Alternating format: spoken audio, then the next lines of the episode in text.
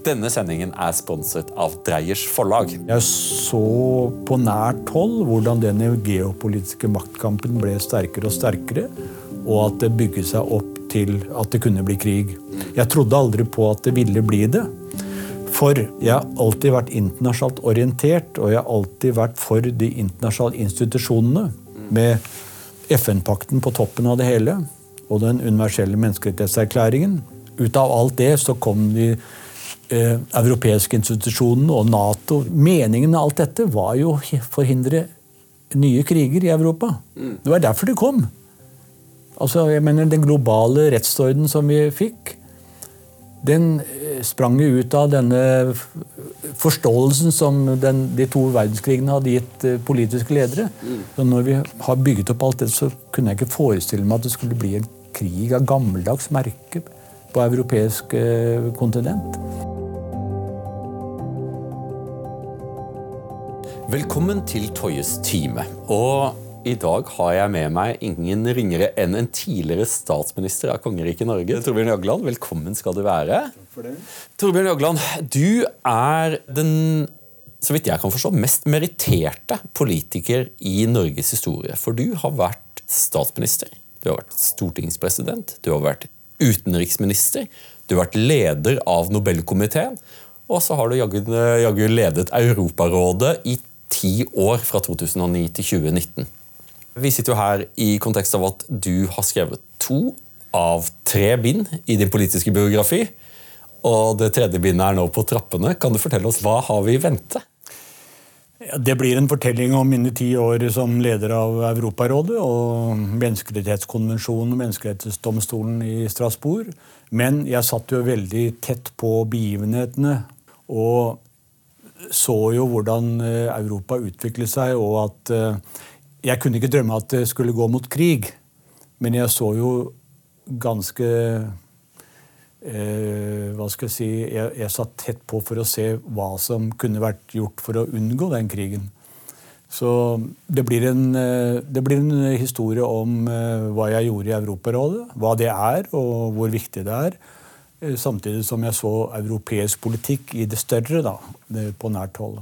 Men det høres jo litt sånn, eh, risikabelt ut nå som krigen er her, pga. at det er vel ingen som er så veldig interessert i å høre om alle feilene som ble begått eh, frem imot den katastrofen som nå har rammet Ukraina.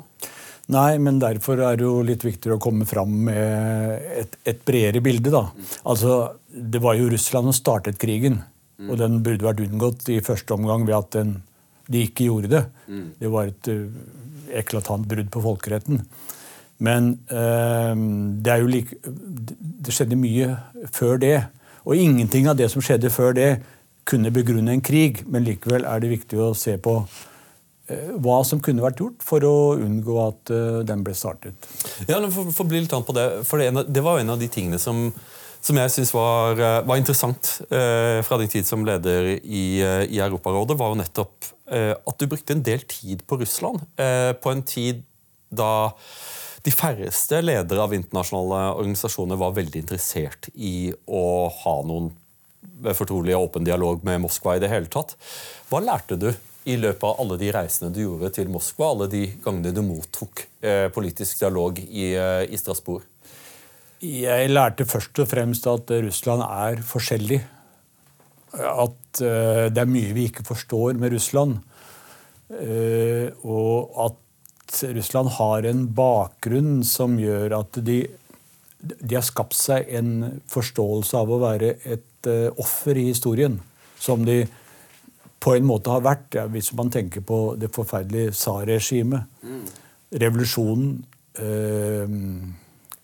Borgerkrigen som fulgte, eh, Stalin, eh, Stalin-terroren, og så dette eh, kommunistregimet som etter hvert ble forstokket, og samfunnet bare hva skal jeg si, gikk i oppløsning på en måte, gikk, eller stagnerte totalt. Og så opplever man dette. Så det er klart det, det er en historie som ikke noen annen nasjon i Europa egentlig har. Bortsett fra Ukraina, som jo var samme offer for dette forferdelige greiene. Særlig Stalin-terroren. eh, Utsultingen av, av Ukraina først, og så Stalin-terroren etterpå. Så Så det er, et, det er, en historie som er veldig vanskelig for oss å fatte, og hvordan det har påvirket så å si, folkesjelen. Og det er jo noe av, det er vel egentlig det Putin nå spiller på. Mm.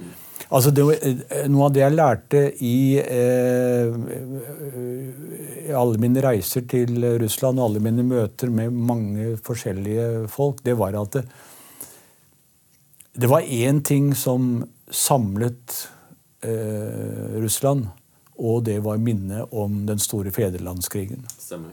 Ja. Man må huske på at eh, da kommunismen falt, så var det jo ingenting igjen. Mm. Det, var, det, eksisterte ikke noen ideologi for nasjonen, egentlig. Og strukturene falt sammen. Eh, og hva hadde man da tilbake? Jo, man hadde minnet om den store fedrelandskrigen.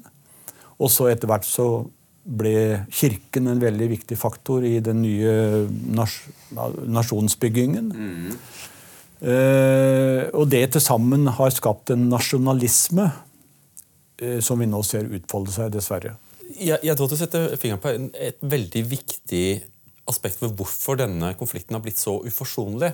Og det er at du har to konkurrerende nasjonalismer som begge anser seg selv for å være historiens sanne offer. Eh, russerne har ting som Og det har jeg opplevd selv også, at, eh, at man blir sånn, nesten sånn, sånn der, overrasket over at en stormakt kan være så opptatt av uretter som har blitt begått, som ofte ligger langt tilbake i tid, eh, og så fullstendig blinde for uretter de selv har, har begått. Det er min erfaring med, med Russland. Eh, samtidig som at eh, Ukraina, uh, ja, deres, deres, offerstatus er etablert, de har blitt angrepet, men samtidig som at de gjør det vanskeligere og gjorde det vanskeligere opptakten til krigen å komme fram til de forløsende kompromissene som kunne unngått dette her. Ja, de tok jo egentlig aldri De har aldri tatt noe oppgjør med fortiden i Russland, sånn som Tyskland gjorde med nazismen. Ja. Mens eh, ja, Man kan kanskje si at det har gjort, vært gjort halvveis, da. fordi i en periode så var det jo Så snakket man jo om Stalin-terroren. Og Memorial, ja, Memorial som, som eh, fikk eh, fredsprisen, startet jo en dokumentasjon, dokumentering av hva som skjedde. De laget et, et dokumentasjonssenter, et museum. Og det ble jo ikke bare tillatt av myndighetene, men eh, sånn som jeg oppfattet, så ble det også oppfordret til at dette skulle gjøres. Og man må huske på at Putin ikke så ja, Ikke nylig, men han sa jo faktisk at Aleksandr Solzjenitsyn representerer Russlands sjel. Og Det var jo veldig sterkt, for det var jo Solzjenitsyn som eh, forklarte hva som skjedde i, under Gulag-perioden. Han skrev jo denne trilogien Gulag-Akipela, ja. som jo var det store litterære oppgjøret med, med kommunistregimets forbrytelse mot sin egen befolkning. Ja. Sånn, sånn, at på, I en periode så var det en slags offisiell politikk på at man skulle uh, bringe opp hva som faktisk hadde skjedd, uh, hva, hva som skjedde. Men etter hvert så forsvant det eh, til fordel for denne offer Denne tanken om at man har vært offer, et offer for historien.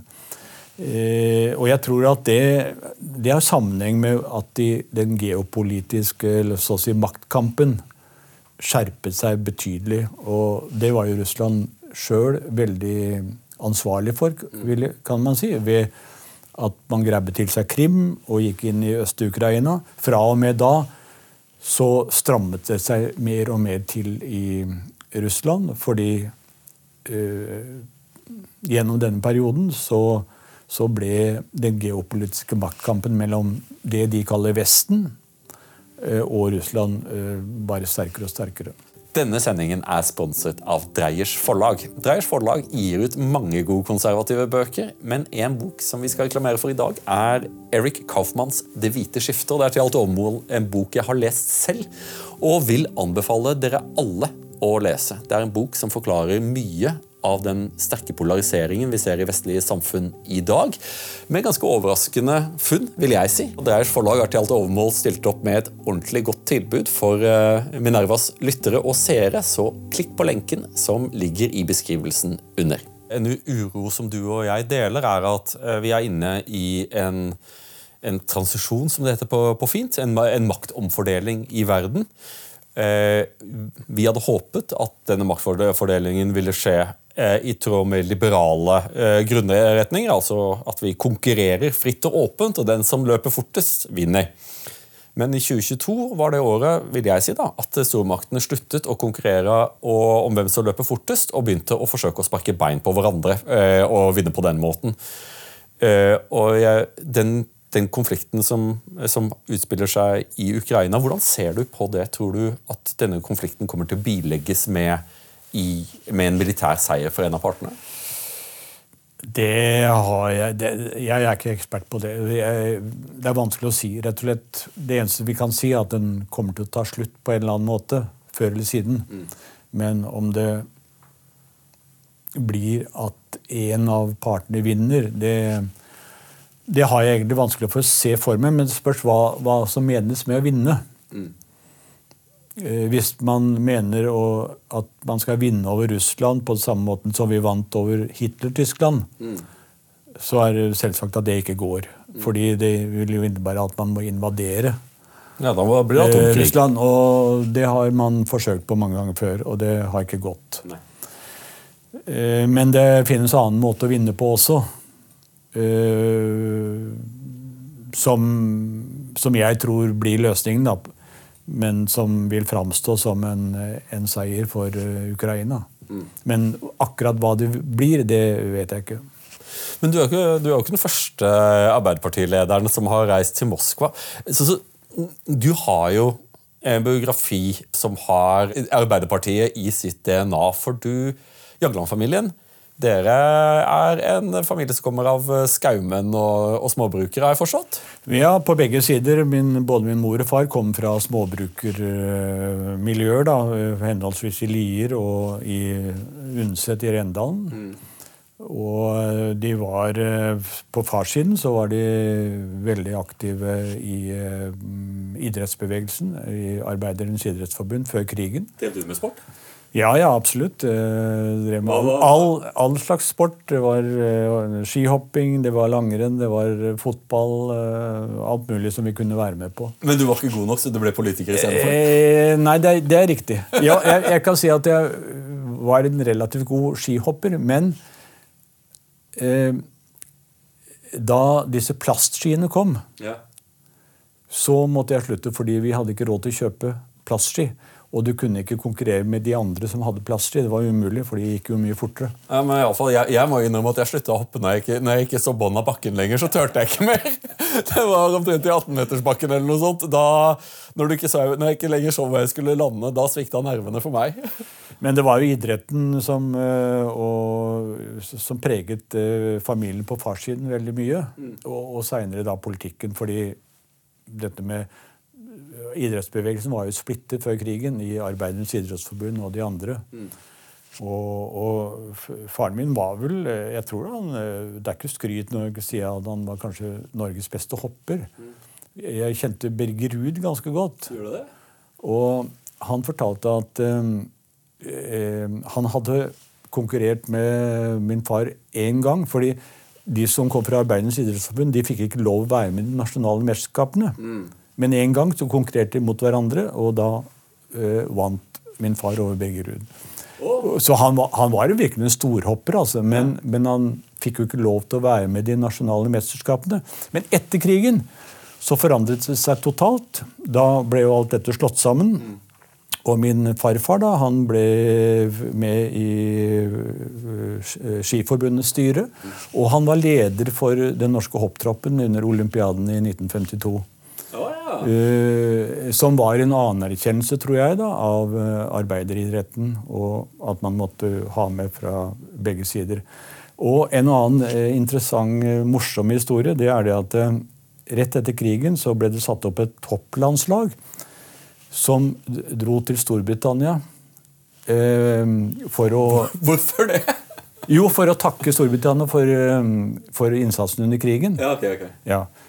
Eh, og dro, dette hopplandslaget, da, som min far ble plukket ut til, mm. de dro eh, rundt i Storbritannia og lagde kunstige hoppbakker. Og de hoppet bl.a. i Hyde Park, og det påstod at det var en par hundre tusen mennesker til stede. og de hoppet i Edinburgh og mange andre steder. Og det var jo et enormt show. ikke sant? For etter krigen så hadde du ikke fjernsyn. De hadde, ikke sant? Sånne ting som det var jo veldig attraktivt. da, i og med at det ikke var så veldig mye annet å fokusere på. Ja, men altså, altså som, Når vi ser på Filmavisen, og sånne ting, så, så, så vi kan jo fremdeles se Arbeiderpartistaten i all sin prakt. Eh, folkemøter, titusener av mennesker i Tøyenparken, på Youngstorget. Gerhardsen taler. Og ofte så taler han om ting som til og med jeg forstår. Hva, den dag i dag så forstår jeg akkurat hva han sa. Det er veldig forfriskende. ofte så Når jeg hører eh, moderne politikere, så er jeg ikke helt sikker på hva de mener eller hva de forsøker å si. Men det, var en tid da Du vokste jo opp i et land der Arbeiderpartiet for, for, uh, vant valg. Eh, det gjorde, det gjorde, Arbeiderpartiet. Du er født i 1950, ikke sant? Hvordan fant du veien inn i arbeiderbevegelsen? Var det gjennom din far? Ja, jeg, min far og min mor. For på morssiden så mm, Min oldefar var den som startet den første fagforeningen i Lier. Så også på den siden så hadde man jo veldig sterk tilknytning til arbeiderbevegelsen. Altså, det var jo dette Det var jo familiebakgrunnen som gjorde det, men det var også det at uh, vi, vi, tilhørte jo arbeiderklassen.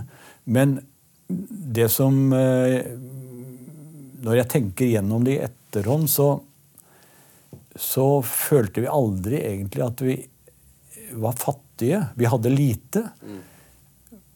Og vi tenkte ikke på at det var noen andre som hadde så mye mer. Mm. At ulikhetene var store. De var jo veldig store på den gangen, på den tiden.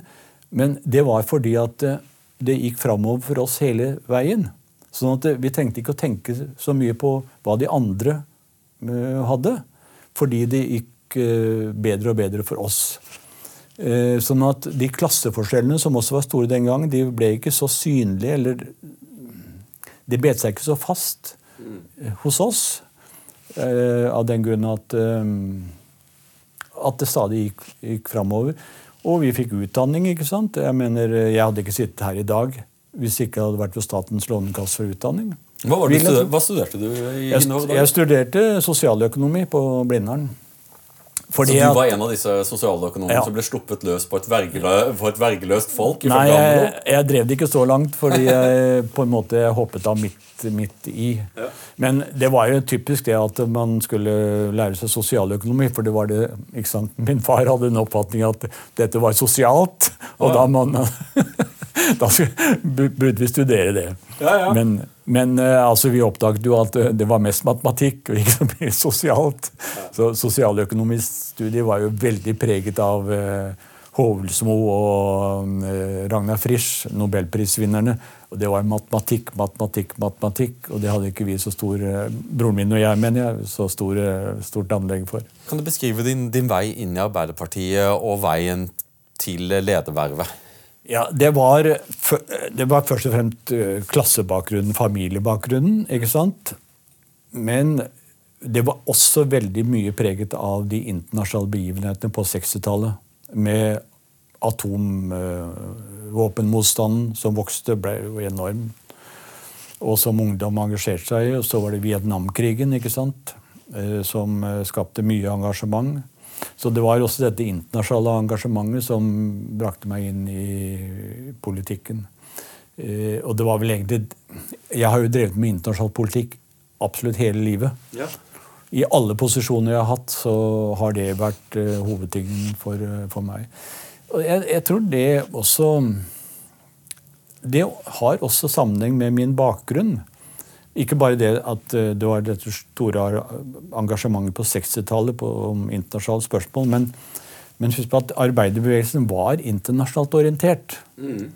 Og eh, jeg husker at eh, min bestefar, som jo døde av kreft, og liksom på de siste dagene så spurte han alltid om hvordan går det i Kina.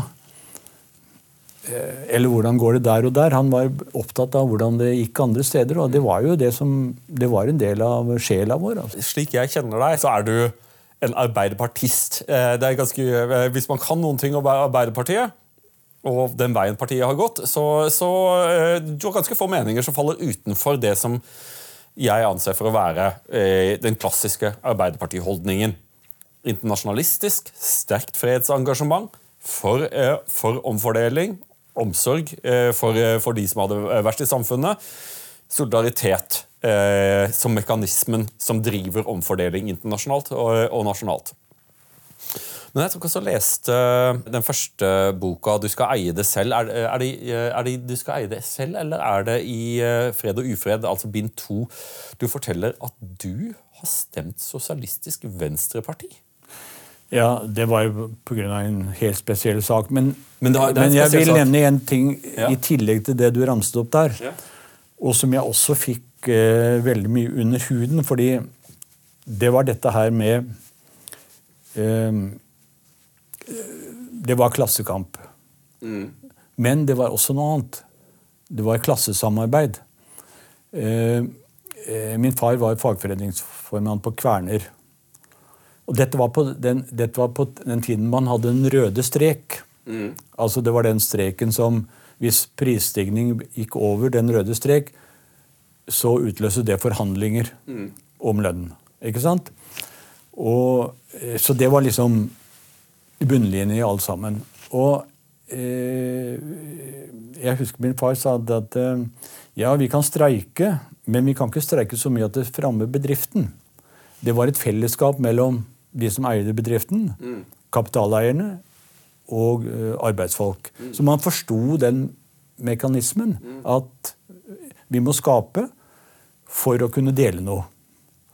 Eh, og dette ble jo satt i system det veldig klart opp gjennom årene. Sånn at dette Trepartssamarbeidet. Trepartssamarbeidet, som det ble kalt etter hvert, mm. det, hadde sin, det, det, hadde sin, forankring ute på bedriftene. Mm. Og i forståelsen av hos arbeidsfolket da, at bedriften er også vår. Sånn at det, når jeg brukte den tittelen 'Du skal eie det selv', så kom jo det fra denne arbeidersangen som vi sang så mye. Men det var et uttrykk for dette her at, eh, at eh, etter hvert så ble landet vårt mm. også vårt. Ja. Og, man ta, og, man måtte ta, ansvar for det. Ja, ja. Man, man, måtte ha eierskapet til det, og, og kunne ikke, det kunne man ikke streike seg til. Det var streik, streik var et nødvendig virkemiddel noen ganger, men men det måtte balanseres. Da har vi egentlig to, uh, to spor som egentlig fører til samme sted. for På den ene siden så har du uh, at du, som tidligere leder i Arbeiderpartiet, stemte SV pga. Uh, bombingen av Libya i 2011, som, som, du hadde vektige reservasjoner mot. Jeg sier vektige for jeg var også veldig motstander av denne krigen. Og, og samtidig som at du, du, du snakker om arbeidernes møte med inflasjon, og det ville jo fremstått som nesten eh, en sånn esoterisk samtale bare for fem år siden, mens nå er inflasjonen tilbake. Eh, mens det, og Arbeiderpartiet er i regjering, men ingen snakker om noen rød strek. Men snakker om at nå må vi ha et moderat lønnsoppgjør, dere, samtidig som at vi har en inflasjon på 10% på matvarer. Eh, som jo ifølge den røde strek ville utløse nettopp forhandlinger om lønn. Denne sendingen er sponset av Dreyers forlag. Dreyers forlag har gitt ut boken 'Vesten mot Vesten', som er skrevet av Rune Lykkeberg. Og Jeg hadde muligheten til å diskutere nettopp denne boken med Rune i Danmark for et par måneder siden, og jeg ble nødt til å lese den. Og jeg vil ikke nøle med å anbefale alle dere å lese denne boken, som forklarer mye av brytningen innad i Vesten, men også mellom Vesten og resten. Og de som klikker på lenken i beskrivelsen under, vil få et riktig hyggelig tilbud fra Dreyers på denne boken. Hva er det som har skjedd med Arbeiderpartiet eh, i sin aller siste inkarnasjon? Fordi jeg skal, ikke, jeg skal ikke, presse deg på, på ting som, eh, som, som, du ikke kan kommentere på, men Arbeiderpartiet sliter veldig med oppslutning nå. Samtidig som at vi ser at en del av de grunnlinjene i partiets øh, ja, kjernetenkning, øh, de er der ikke lenger, synes det. Hva tenker du om det? Nei, nå, Det er jo det å si at øh, det går veldig mye mer opp og ned i politikken nå. Så mm, jeg velger å tro at det bildet vi har nå, kan endre seg. Men det er jo helt klart at sosialdemokratiet, som jeg velger å kalle det, da, det, det har blitt mindre. Mm. Av mange årsaker. Eh, men Sånn at Vi har fått et politisk landskap som gjør at vi har egentlig ikke ett ledende parti lenger, som Arbeiderpartiet var. Og hvorfor er ikke Arbeiderpartiet det ledende partiet? Ja, Da vil jeg vise til historien igjen, nemlig at vi ble det ledende partiet fordi vi var det partiet som klarte å hva skal jeg si, binde sammen den motsetningen som hadde eksistert, nemlig motsetningen mellom arbeid og kapital. Vi klarte å binde det sammen til et hele som gjorde at det gikk bedre uh, for vanlige folk hvert eneste år. Uh, så, så, samme hvor uh, galt Arbeiderpartiet kunne stelle i stand det var, det var uenighet om veldig mye, men, men likevel så, så folk, folk at denne, denne funksjonen vi hadde med å som bandt arbeid og kapital sammen, som gjorde at det gikk framover. Mm det gjorde oss til det ledende partiet. Og det er ikke så lett å se at, at vi har den rollen i dag. Jeg kjøper den. Uh, og det er, jo, det er, jo, en linje som, uh, som en del uh, sosialdemokratiske tenkere legger seg på. At, at, de sosialdemokratiske partiene i Europa, ikke bare Ap, ble offer for sin egen suksess gjennom den ufullendte transformasjonen av arbeiderklasse til middelklasse så mistet, uh, mistet de sosialdemokratiske uh, partiene sitt referansepunkt, på sett og vis. Uh, og så har du det som Francis Fukuyama har sagt, at han mener at utfordringen for sosialdemokratiske partier har vært å gjøre velferdsstaten bærekraftig i en ny økonomisk realitet. Og at de valgene som man gjorde for å gjøre velferdsstaten bærekraftig, dessverre for, for de sosialdemokratiske partiene gjorde at velgerne begynte å bevege seg over i andre leirer. Hva tenker du om det? Jo, jeg tror det er delvis riktig, men, men det vi ser, er jo en veldig oppsplitting av det politiske landskapet i alle land. Og jeg tror det har sammenheng med at eh, båndene til partiene er ikke så sterke lenger. Og det igjen har sammenheng f.eks. med jeg, jeg, tror det er en veldig sterk sammenheng mellom det og øh, det nye medielandskapet. Mm. For øh, Eh, folk eh, De er mer informert, samtidig er de mindre informert. Mm. Og eh, de har derfor ikke de sterke båndene til de politiske partiene som, som var vanlig. Sånn at ja, Du hører jo mer om altså, mener, Veldig mange ungdommer tror at politisk engasjement står og består i å poste noe på Twitter. Mm. Mens jeg prøver å forklare dem at eh, du kan ikke lage en lov ved hjelp av Twitter. Du kan ikke bygge en institusjon ved hjelp av Twitter. Du må engasjere deg, du må være med.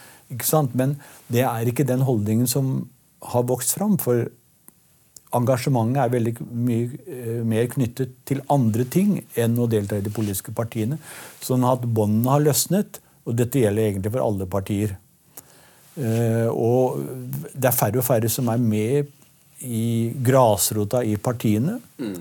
Det kan få et oppsving ved at Trond Giske får 3000 medlemmer i Nidaros, men ellers mm. er jo partidem, partidemokrati ganske dødt, egentlig, i alle partier. Ja, Men er det en del av løsningen, da? Liksom fordi eh, Trond Giske får 3000 medlemmer i Nidaros.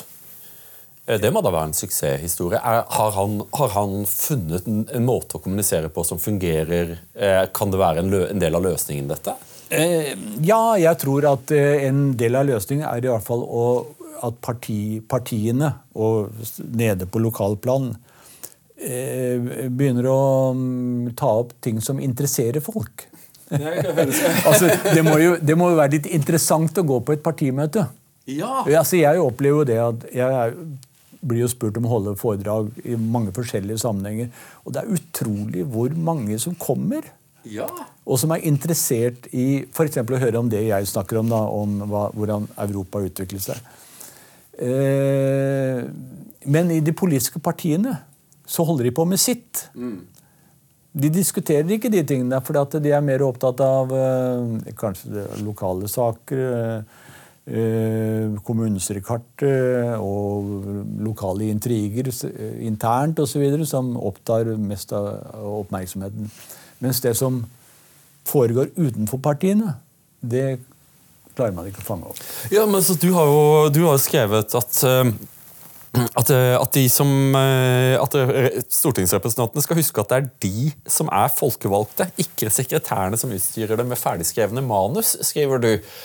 Og det ligger jo eh, ja, det ligger noen ting i det. på grunn av at vi, vi, vi, hører sikkert begge to på Politisk kvarter hver bidige morgen. ikke sant? Og det ofte så slår det meg at eh, det er veldig dårlig politisk kommunikasjon. Altså at folk har blitt trukket opp og blitt fortalt om da skal du si det, og da skal du si det, og da skal du si det. Eh, men det er ikke engasjerende, det er ikke overbevisende. Det fremstår som robotaktig. Eh, og jeg, jeg, jeg, tror ikke at det er god politisk kommunikasjon. Det virker jo også for meg som at liksom noe av den profesjonaliseringen av politikken, komplett med skader av informasjonsrådgivere, eh, paradoksalt nok har gjort at man kommuniserer dårligere med de folka du skulle kommunisere med, altså velgerne. Ja, absolutt. Dette er jo en del av det bildet, der eh, liksom båndene til partiene har smuldret opp. Partiene har blitt mer og mer en arena for uh, profesjonalitet, og særlig det med å med kommunisere. Og finne på slagord og finne på uh, setninger som som er slående, som eh, virker, eh, vekker oppsikt.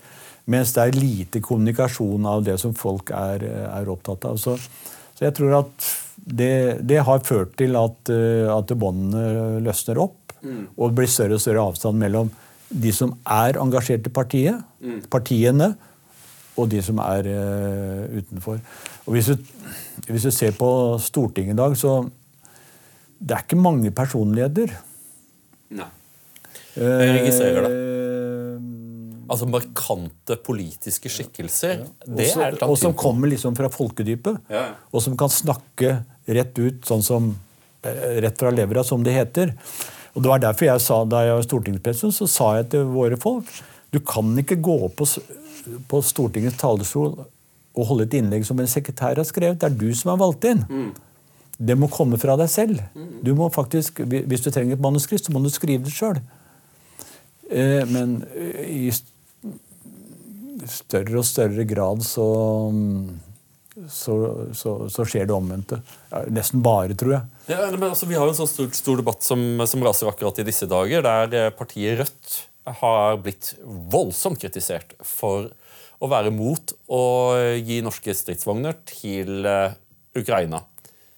Noen ting som det ville vært veldig rart om det var ingen som mente det på Stortinget. Eh, på grunn av at dette er et brudd med, med, med, med norsk tradisjon. Eh, og Både innenfor freds, vårt fredsengasjement, men også i forhold til at vi er, vi er en liten stat. Vi er veldig forsiktige med, med allting som har med våpen og, og vår store nabo i øst. Samtidig som at jeg ser jo at debatten handler mye om hva det skal være lov til å mene. Og svaret på det er jo veldig enkelt. Det er lov til å mene hva som helst i dette landet, for vi er et fritt land. Eh, så jeg, jeg skjønner, liksom, Debatten har også blitt en sånn forkvakla. At man nekter å, liksom, å forholde seg til hverandres standpunkter, og heller, heller argumentere om hvilke standpunkter er det lov til å ha. Nei, dette er jo veldig bekymringsfullt. Eh, vi ser i veldig mange sammenhenger at eh, de som stikker hodet fram og mener noe, blir angrepet for andre ting enn det du faktisk mener. Man deltar ikke i diskusjonen. Og Det var jo Voltaire som sa at, eh, noe sånt som at eh, 'jeg er uenig med deg, men jeg skal kjempe til min død for at du skal kunne uh, si din mening'. Mm. Uh, og det som jeg syns er bekymringsfullt, det er at den liberale eliten i Norge mm som slår seg på brystet og sier at vi forsvarer det liberale samfunn. Mm. Og holder, skriver svære kommentarer og holder taler om dette her. De er de første til å øh, ty til andre metoder enn å forsvare øh, sine meningsmotstanderes øh, rett til å si noe. Mm. Eh, og Vi ser det nå med Rødt. altså Jeg skal ikke forsvare Rødt i det hele tatt, for jeg er uenig med Rødt når det gjelder denne våpenstøtten til Ukraina. Det er jeg også, men jeg forsvarte Jeg, var i Klassekampen i dag og forsvarte Jeg sa at det var fint at, at de står for sitt standpunkt. Argumenterer ja. mot det. Helt greit. Ja, og, og, det er en dypere sammenheng her, og det er det at eh, og Vi ser det nå med krigen i Ukraina. Jeg mener at En av grunnene til at den kom i gang, var at Putin ikke hadde noen motstand. Mm. Eh, det var ingen, ingen media som stilte spørsmål ved om det, her, denne militære oppbyggingen var riktig. Det var ikke et parlament som kunne stille spørsmålene. Og i en sånn sammenheng, så, i en sånn situasjon så gjør ledere store feil. Det er jo liksom Det er jo demokratiets øh, viktighet vi snakker om her. Nemlig at demokrati har evne til å øh, justere lederne sine. Mm når de er i ferd med å gjøre feil. Mm. Eh, og hvis ikke vi er i stand til å slippe løs meninger om eh, krigen i Ukraina, mm. hvis vi ikke er i stand til å akseptere at noen syns det er galt at vi skal gi våpen, mm. vel, så er vi inne i samme uføre. Da, alle, må alle mene akkurat det samme, og vi feil, eh, kan komme til å komme til feil standpunkter. Ja, og Det er jo det som, som, som er, det er en bekymring vi deler. for La oss vende tilbake til 2011. En, en, en konflikt som, som, vi mange har glemt. Der Norge uten nevneverdig politisk og demokratisk prosess går inn eh, sammen med et antall Nato-land for å bombe eh, i Libya.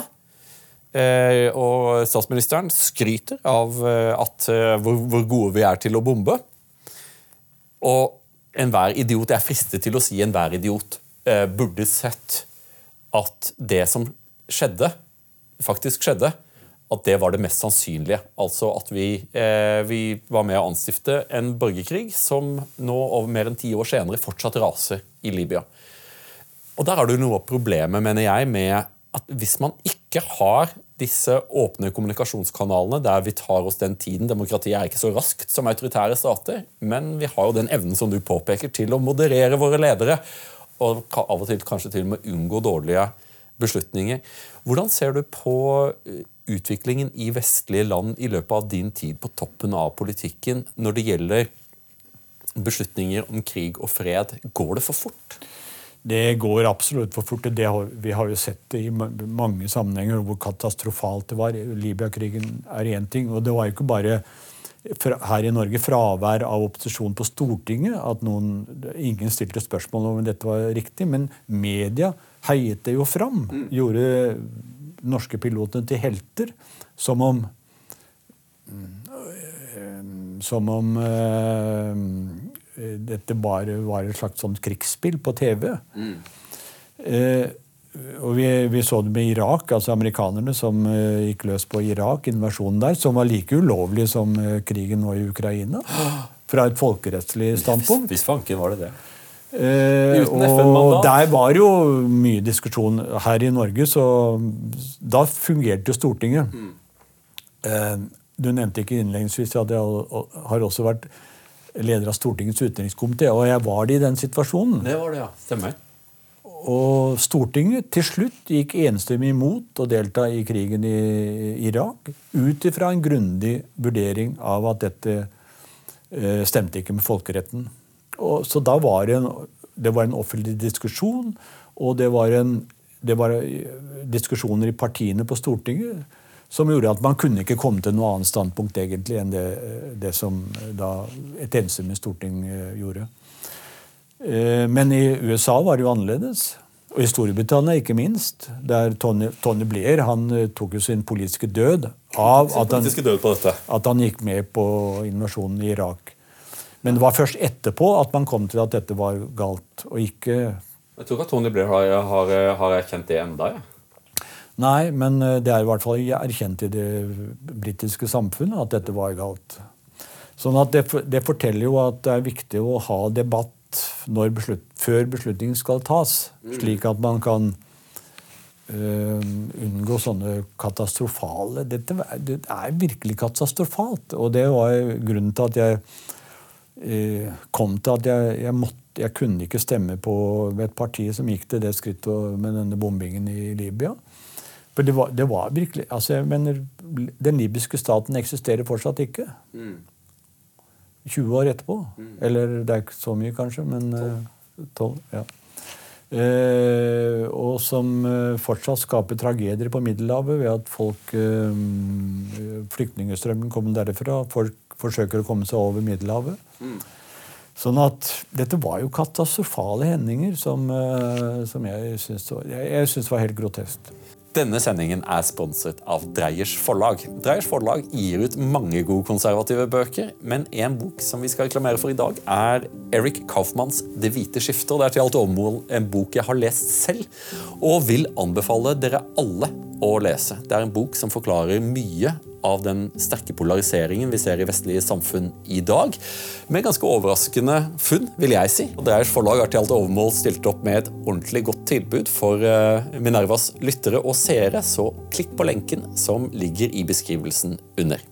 Vi har jo sittet sammen i Nobelkomiteen, og en av de tingene som jeg eh, alltid syntes var gøy, var når det var din tur til å tale, på grunn av at Eh, du leser jo mer og, og, får med deg mer enn mange. Så ofte så var jo informasjon som vi andre rundt bordet ikke var klar over, som du tilførte diskusjonen. Hva syns du om det utenrikspolitiske ordskiftet i Norge? Har det blitt bedre, eller har det, eller har det blitt dårligere? Jeg mener at det har blitt mye dårligere.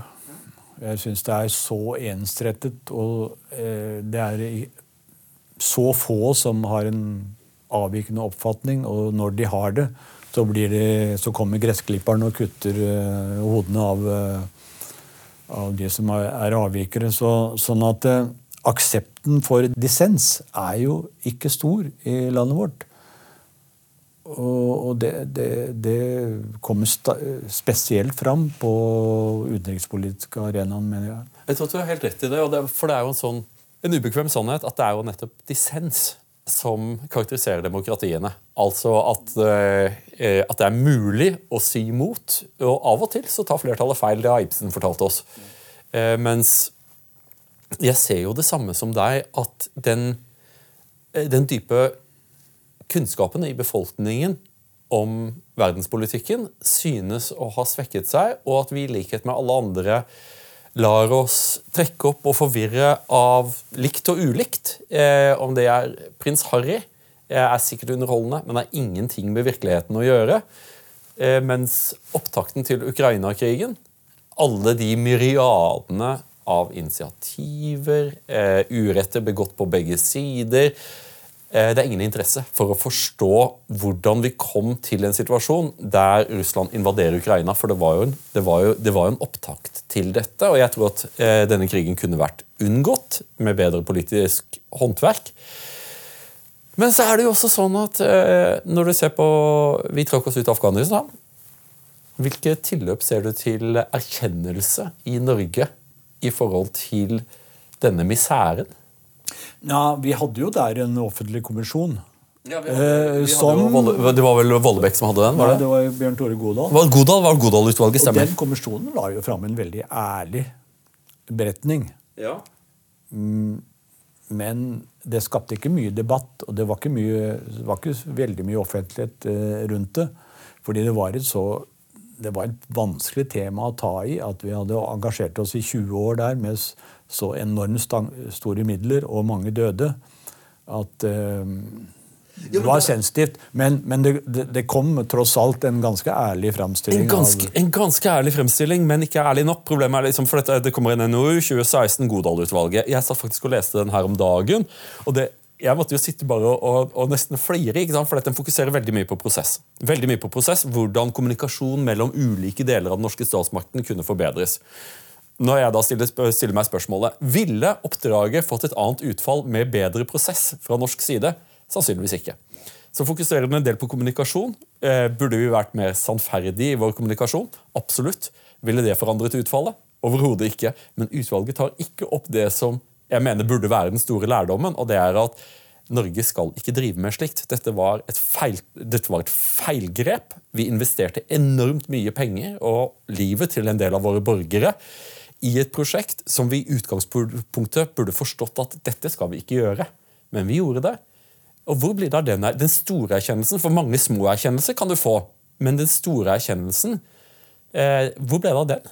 Nei, det er sant, det. Men eh, jeg satt jo som utenriksminister da uh, FN-resolusjonen kom. Mm. Det gikk jo veldig fort. Det var veldig liten gjennomtenkning på amerikansk side hva dette ville innebære. Og alle som ble spurt om å være med, var jo så på, uh, påvirket av hva som hadde skjedd på World Trade Center. Mm. ikke sant? At uh, det var vanskelig i det hele tatt å ha en, en, en grundig analyse av effekten av å invadere eh, Afghanistan.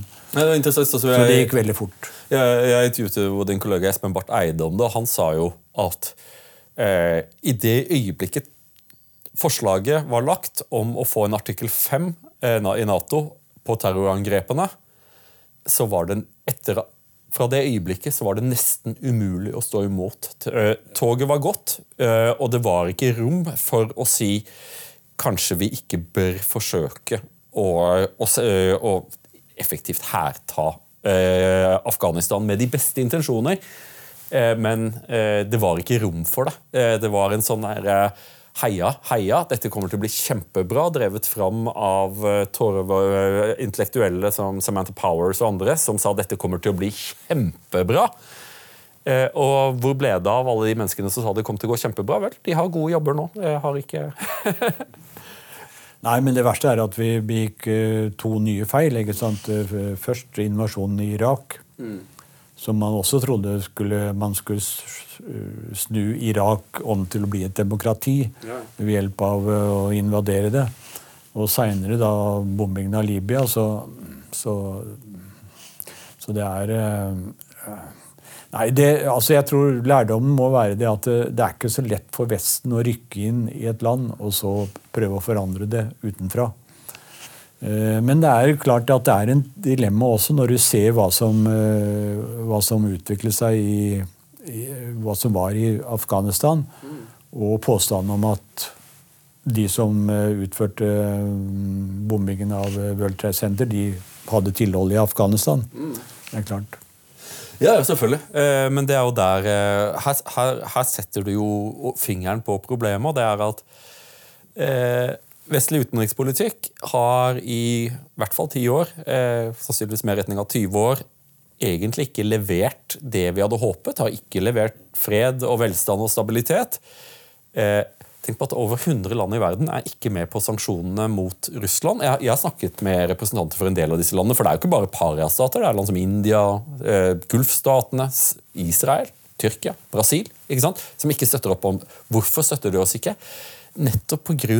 en del av disse syndene som vi er så ivrige på å glemme. og Det er derfor jeg er så opptatt av det med liksom oppgjøret. Det det er greit å ta feil. Det er, det er, og jeg, jeg, er helt med på jeg tror de fleste vil være med på at her hadde vi en veldig vanskelig situasjon. Ikke godt å vite hva vi skulle gjøre. Men vi må vel også kunne ta, eh, ta, tur med at dette ikke gikk som vi hadde håpet. Vi har jo ikke kommet til Nato til at, eh, at de erkjenner nederlag engang. Nei.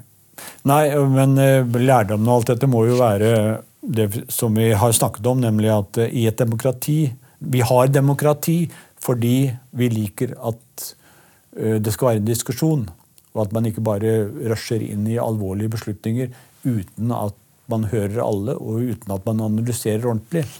Og de siste 20 årene, ærlig talt, det har gått for fort. Og det har ikke hatt gode resultater. Og nå snakker vi om den krigen i Ukraina. Det er vel og bra og at vi gjør det, at den er helt forferdelig. Men konsekvensene av de andre krigene vi hatt, har hatt de siste 20 årene, er vel så store. Mm. Jeg syns det har vært veldig gøy å lese de to første bindene i, eh, i, din politiske biografi. Ikke minst siden dette er jo en biografi som eh, for meg da, passer inn i bokhylla sammen med biografiene til Trygve Bratteli og, og Håkon Lie og Reilf Steen. Altså, det er jo en politisk biografi som både forteller din historie, men som også forteller noe om den tiden som du levde i, en, brytning, en, en brytningstid. Og naturligvis er det slik at Når man skriver en bok og er politiker, så vil journalistene kaste seg over boken og forsøke å finne en eller annen, en eller annen sånn eh, et utsagn som noen eh, Spesielt hvis du kan få litt av en konflikt. Jeg, jeg syns du snakker ganske pent om folk gjennomgående, men gud bedre i anmeldelsene så var det de, de gangene at du hadde en, en, en sleivkommentar, og så har det Så jeg vil, vil spørre deg det, Kan du si navnet på noen politikere eh, som du har jobbet med, som har imponert deg? Er det i, i, i, i ditt virke her i, eh, i Norge? Ja, det er veldig mange, egentlig. Altså, det er fra mange forskjellige partier. Jeg, eh, jeg satte alltid stor pris på Kåre Willoch. Hans intellekt og hans evne til å argumentere eh, var eh, imponerende, syns jeg. Jeg syns at Gro Harlem Brundtland var en imponerende person. Det er helt klart. Jeg hadde gode venner i ja, Inge Lønning var en av de som jeg satte uh, høyt. Ikke fordi han, han hadde ikke veldig gode sosiale egenskaper, i og for seg. Mm. Men han var jo en intellektuell kraft og uh, en glede å ha med i utenrikskomiteen i Stortinget og i Stortingets presidentskap seinere. Uh, sånn at det var, det var folk fra mange forskjellige partier som jeg satte stor pris på. Eh, noen av dem var jeg, jeg mener, Du behøver ikke være enig i, med folk for å si at de er solide og, og sterke og imponerende. Mm, ja, men Det er jo godt mulig å, å, sette pris på en god fotballspiller som han ikke spiller på ditt lag. Nå må jeg spørre liksom, Hva er laget ditt? For Det ble du kritisert for. Det var, det var jo en av disse her totalt irrelevante bullshit-debattene som, bare, som fikk pga. sosiale medier fikk bein å gå på. Er du RBK-fan, eller er du Strømsgodset? jeg er Strømsgodset, og jeg var det da òg. Men du vet, jeg var da på den fotballkampen over Trondheim, og der Rosenborg vant igjen. Og så ble jeg spurt uh, om dette her, og så sa jeg at Rosenborg er Norges beste fotballag. De hadde jo vunnet Norgesmesterskapet ti ganger på rad, ja. så det var jo et sant utsagn. Mm. Men det er ikke nok uh, innen fotballens verden. Det skjønner jeg jo for så vidt godt. Altså. Men, men jeg bare tenkte tilbake, for Det var liksom snusfornuftige kommentatorer som sa en mann som eh, så, eh, Her viser han at han ikke er til å stole på. Han vet ikke liksom. Og så tenker jeg fanken dette liksom, er, er, han ikke samme båt som alle andre fotballinteresserte i Norge? At du heier på ditt lag? Eh, Viking i mitt tilfelle. Eh, men uh, i Europacupen heier jeg på, på Rosenborg, av at Rosenborg var jo det eneste norske laget som hadde noe å komme med internasjonalt. og helt klart vi heia på Rosenborg. Rosenborg slo AC Milan på San Siro. Jeg jubla som om jeg skulle, jeg skulle ha spilt sjæl, jeg. Nei, men uh, jeg tenker jo Du skriver at Arbeiderpartiet etter din tid så skriver du vi svikter de svakeste, vi kaster vrak på solidariteten i Norge og internasjonalt. Hvordan tenker du at, eh, at, veien kommer til å være fremover for Arbeiderpartiet? For jeg, ikke, jeg, jeg, ber deg ikke om å kritisere Arbeiderpartiet, det ville du aldri finne på å gjøre. Du er veldig lojal overfor partiet ditt, på tross av at du har stemt SV. Eh, men hvis vi løfter blikket litt eh, og ser på en situasjon der Arbeiderpartiet nå ligger, har ligget seks måneder under 20% sliter med å finne veien til velgerne, på tross av at man ansetter nye kommunikasjonsmedarbeidere i drivende tempo. Eh, hvordan går veien fremover? Fordi at det står jo et stort valg. Skal Arbeiderpartiet være tro mot sin tradisjon, da er det et venstreparti. Da er det et rødt parti. Da er det et solidaritetsparti. Eh, men da vil du slite med den, den, den høyskolerte middelklassen, som er en viktig del av velgergrunnlaget. Eller skal man eh, følge den linjen som Stoltenberg slo inn på, The New Labour, altså da et mer sosialliberalt parti. Hvis jeg trekker opp disse to hovedsporene, hvilket spor tror du at fremtiden ligger? Ja, altså, men jeg tror at man må frigjøre seg fra denne forestillingen at eh, de som er liksom i middelklassen eller øvre middelklassen, har helt, helt andre forestillinger om samfunnet enn de som er litt lenger ned i pyramiden. Stort sett så, og Det var jo det som var Arbeiderpartiets store ting, nemlig at man, klarte å binde dette sammen. Og se at man hadde felles interesser av noe, noen helt grunnleggende ting. F.eks. oppbygging av velferdsstaten. Og ha en rimelig fordeling av godene. Og jeg tror, jeg tror, at, jeg, jeg tror at den store delen av det norske samfunn har denne forståelsen fortsatt. At, mm. at, man, at, man, at, vi hører sammen, egentlig. Sånn at Jeg tror ikke Arbeiderpartiet kan velge mellom å være et parti for liksom de, bare de nederst ved bordet. Vi må klare å, å se at uh, også de lenger opp i pyramiden har en interesse av at uh, de andre også blir løftet videre opp sammen med dem. da. Så, så hvis man hvis man tar utgangspunkt i det, så tror jeg ikke det skulle være så veldig vanskelig å ha en sammenbindende eh, politikk. Og den sammenbindende politikken må jo bestå i for det første at det er det som har vært Arbeiderpartiets grunnleggende mm, filosofi. Det er at arbeid og kapital har en felles interesse av at tingene går godt i samfunnet. Mm. At bedriftene går godt. At uh, folk kan uh, Det er ikke bare det at de har arbeid, ikke sant? men når du har arbeid, så betaler du skatt. Det var jo liksom det, det, var jo det store tingen. Mm. Det at min far og min mor de, Faren min jobba i industrien. Dermed så betalte han skatt. Mm. Som gikk med til å finansiere Lie sykehus, der min mor jobbet. Så, og hun betalte skatt, slik at fellesskapet ble større. Og slik at du kunne studere sosialøkonomi og bli statsminister? Riktig. Denne sendingen er sponset av Dreyers forlag. Dreyers forlag har gitt ut boken 'Vesten mot Vesten', som er skrevet av Rune Lykkeberg. Og Jeg hadde muligheten til å diskutere nettopp denne boken med Rune i Danmark for et par måneder siden, og jeg ble nødt til å lese den. Og jeg vil ikke nøle med å anbefale alle dere å lese denne boken, som forklarer mye av brytningen innad i Vesten, men også mellom Vesten og resten. Og de som klikker på lenken i beskrivelsen under, vil få et riktig hyggelig tilbud fra Dreyers på denne boken. Statsminister Støre eh, var nylig ute og sa at han ikke likte sitt eget partis slagord. Nå er det vanlige folks tur, eh, var det vel.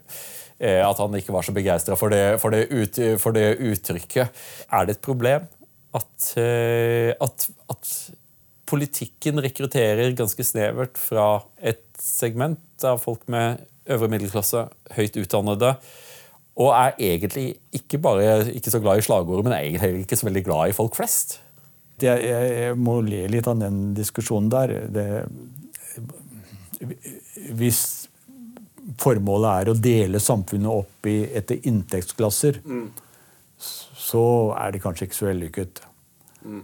Men eh, det er jo et faktum at de aller fleste mennesker i Norge er vanlige, og så er det noen som er uvanlige. og uvanlige, det er ikke så ofte det, det, kan Man må jo si at uh, Petter Stordalen er uvanlig.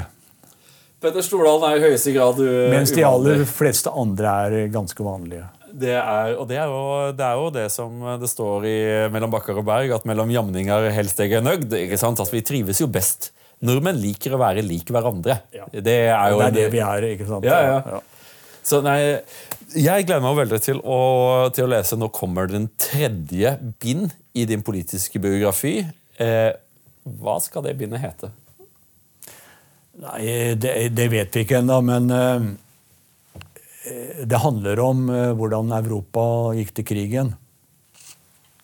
Altså, det handler om min, mitt mandat i Europarådet om beskyttelse av menneskerettighetene. Mm. Og alt det vi gjorde eh, på det området, og hvor viktig Den europeiske menneskerettighetskonvensjonen er, og Den europeiske menneskerettighetsdomstolen, som er krumtappen hele systemet, hva vi gjorde i forhold til Tyrkia, Russland, Armenia, Moldova Eh, ja, og viktig, hvor viktig domstolen har vært i Storbritannia, men her i Norge. ikke sant? Så, så det, det, vil dreie seg om det, men det vil også dreie seg om eh, at jeg så på nært hold hvordan denne geopolitiske maktkampen ble sterkere og sterkere, og at det bygget seg opp til eh, at det kunne bli krig. Jeg trodde aldri på at det ville bli det. For Eh, jeg, som jeg har sagt tidligere her i programmet, jeg har alltid vært internasjonalt orientert, og jeg har alltid vært for de internasjonale institusjonene. Med FN-pakten på toppen av det hele, og den universelle menneskerettighetserklæringen. Og alt, ut av alt det så kom de eh, europeiske institusjonene og Nato, det transatlantiske samarbeidet osv. Så, så vi bygget altså jeg mener, Meningen med alt dette var jo å forhindre nye kriger i Europa. Mm. Det var derfor det kom. Altså, jeg mener, Den globale rettsorden som vi fikk, den eh, sprang jo ut av denne forståelsen som den, de to verdenskrigene hadde gitt eh, politiske ledere. Nemlig at vi måtte bygge en ny global orden. Eh, sånn at jeg, jeg, trodde egentlig altså Når vi har bygget opp alt det, så kunne jeg ikke forestille meg at det skulle bli en krig av gammeldags merke på europeisk eh, kontinent. Og det var jo tragisk å se. Jeg mener OSSE, f.eks., Organisasjonen for sikkerhet og samarbeid i Europa, har jo et mandat på vegne av FN om å forhindre krig. Og Det står i OSSE-charter at medlemslandene er forpliktet til å løse eh, konflikter på fredelig vis. Ja, ja. Og så eh, ser vi at eh, Russland, eh, Russland, bygger opp sine styrker i Ukraina. Amerikanerne sier åpent at det vil føre til det, Russland vil invadere. Natos generalsekretær sier det samme. Mens disse organisasjonene de innkaller ikke engang til et toppmøte. Mm. Altså, jeg mener OSSE burde innkalle når, de, når, man visste at det ville bli en invasjon, så burde man i minste hatt et møte. Eh, eh, eh, sånn at, men jeg, jeg, så jo hvordan dette gradvis bygget seg opp. Og som jeg sier, jeg trodde aldri det skulle bli en invasjon pga. det vi hadde bygget opp. Men når det ble sånn, så kan jeg peke på veldig mange ting som kunne vært gjort annerledes for å forhindre det. Og det tror jeg kan bli en interessant del av boka, for jeg så det på nært hold. Ja, nettopp, for det, det er jo en av de tingene som jeg syns var interessant av deg som utenrikspolitisk praktiker når det gjelder ta Menneskerettighetsdomstolen, hvor uh, din, din, vilje til å snakke med russerne gjorde jo at Russland begynte å akseptere dommene og forholde seg til dommene i, i Menneskerettighetsdomstolen. Så det var jeg mente å se da eh, at du var villig til å gjøre jobben også. Altså ikke bare eh, stelle deg opp på nærmeste lekterne og si at her må alle være enige med meg, ellers er de dårlige mennesker, men altså å se på hvordan kan vi avstemme dette, slik at, alle, slik at også Russland kommer inn i folden på dette. Men det, den linja, det, den har jo fullstendig kollapset nå. Eh, og det er jo ingen vilje til en gang å, å sondere fred. Nå er det våpnene som taler. Og det vender oss jo tilbake til, til der vi startet. Eh, vi fikk en internasjonal orden i arv. Og du levde jo gjennom mange av årene da dette tankegodset sto så sterkt pga. at du vokste opp med krigsgenerasjonen. Nå styrer vi av en annen generasjon. Hvordan ser du fremtidsutsiktene for det, for det internasjonale systemet? Tror du at, eh, at, vi er på vei mot uh, stormaktsrivalisering, stormaktskonflikt og krig? Eller tror du at, uh, at det finnes lederskikkelser internasjonalt som er villige til å gjøre det dialogarbeidet? For det er dialogarbeid, altså lytte. Det som i hvert fall er klart, er at den internasjonale rettsorden, som den ble uttrykt gjennom FN-pakten og universell menneskerettighetserklæring, har på en måte avgått midlertidig, iallfall med døden. Mm. Det ser ut som altså Stormaktene på hver sin side respekterer ikke det de De sitter i Sikkerhetsråd, respekterer ikke det ansvaret de ble pålagt der. Eh, kineserne ved å grabbe til seg øyer i Sør-Kina-havet. Amerikanerne ved å ha invadert uh, Irak. Russerne ved å grabbe til seg Krim og starte en krig i Ukraina. Så jeg mener, De har ikke gjort det som står i FN-pakten, nemlig at de skal ha ansvaret for verdens fred og sikkerhet. Og de taler på vegne av alle medlemmene. Mens stormaktene har eh, handlet på vegne av seg selv gang på gang på gang, og dermed undergravd den internasjonale rettsordenen. Så etter denne krigen her i Ukraina så øh, skal det mye arbeid til for å gjenopprette respekten for internasjonal lov og rett. Det ser ut som det blir mer og mer uh, stormaktkonfrontasjon. Du ser det bygger seg opp mellom Kina og USA. Nato det, Man prøver å trekke Nato inn i det. Russland vil være veldig svakt etter denne krigen, det er helt klart. Men Russland vil ikke forsvinne. Uh, sånn at jeg tror vi i mange mange år framover vil se økende stormaktsrivalisering. Og så får vi håpe på da, at man ikke må gå gjennom en ny verdenskrig for å få opp en, en ny internasjonal rettsorden. Er det så alvorlig? Tror du at, at, det en, at, det er en, reell risiko for en ny verdenskrig? Absolutt. Når du ser eh, hva som eh, bygger seg opp mellom eh, Kina og USA, så er det Amerika som har hatt på en måte Særlig etter Berlinmurens fall så har USA hatt nesten all makt i himmel og på jord. Mm. Og de har agert deretter. Og så kommer Kina opp som en konkurrerende makt. Og det er jo historisk belegg for at det er en farlig situasjon. Mm. Og kan ende i en konfrontasjon.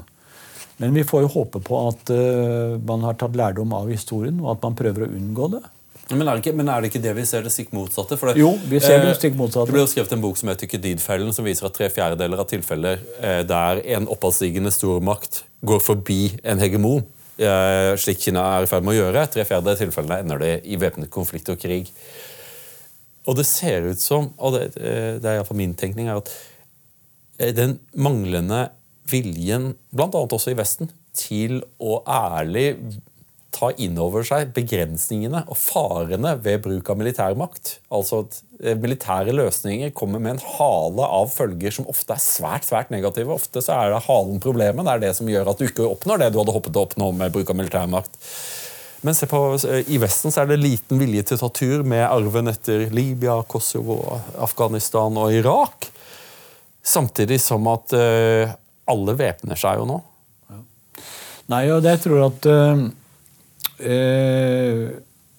det er en stor fare, og det er at eh, Kina vil prøve å invadere Taiwan. Men enda større fare er hvis de prøver å kontrollere eh, Sør-Kina altså handel, Det er jo verdens største handelsrute. Mm. Så hvis Kina skulle få kontroll over den, ta kontroll over den og utøve det, så tror jeg ikke amerikanerne kan eh, godta det. Fordi at eh, dette Altså, jeg mener Kontroll av handelsruter er jo noe av det viktigste som er innenfor geopolitikken. Absolutt. Og, og så, men, men det, det, store kinesiske spørsmålet er jo dette her at uh, Som jeg tror Jeg mener USA og eh, Russland de representerer jo ikke mer enn altså Til sammen er det vel mye er det 500 millioner mennesker. Kanskje ikke sånn. Ja, ja. Mens Kina er 1,4 milliarder. Mm. Sånn at det, man kan egentlig ikke det, det, snakkes som om vi nå skal boikotte Kina. Sette dem utenfor. Man kan ikke sette utenfor 1,4 milliarder mennesker i verden.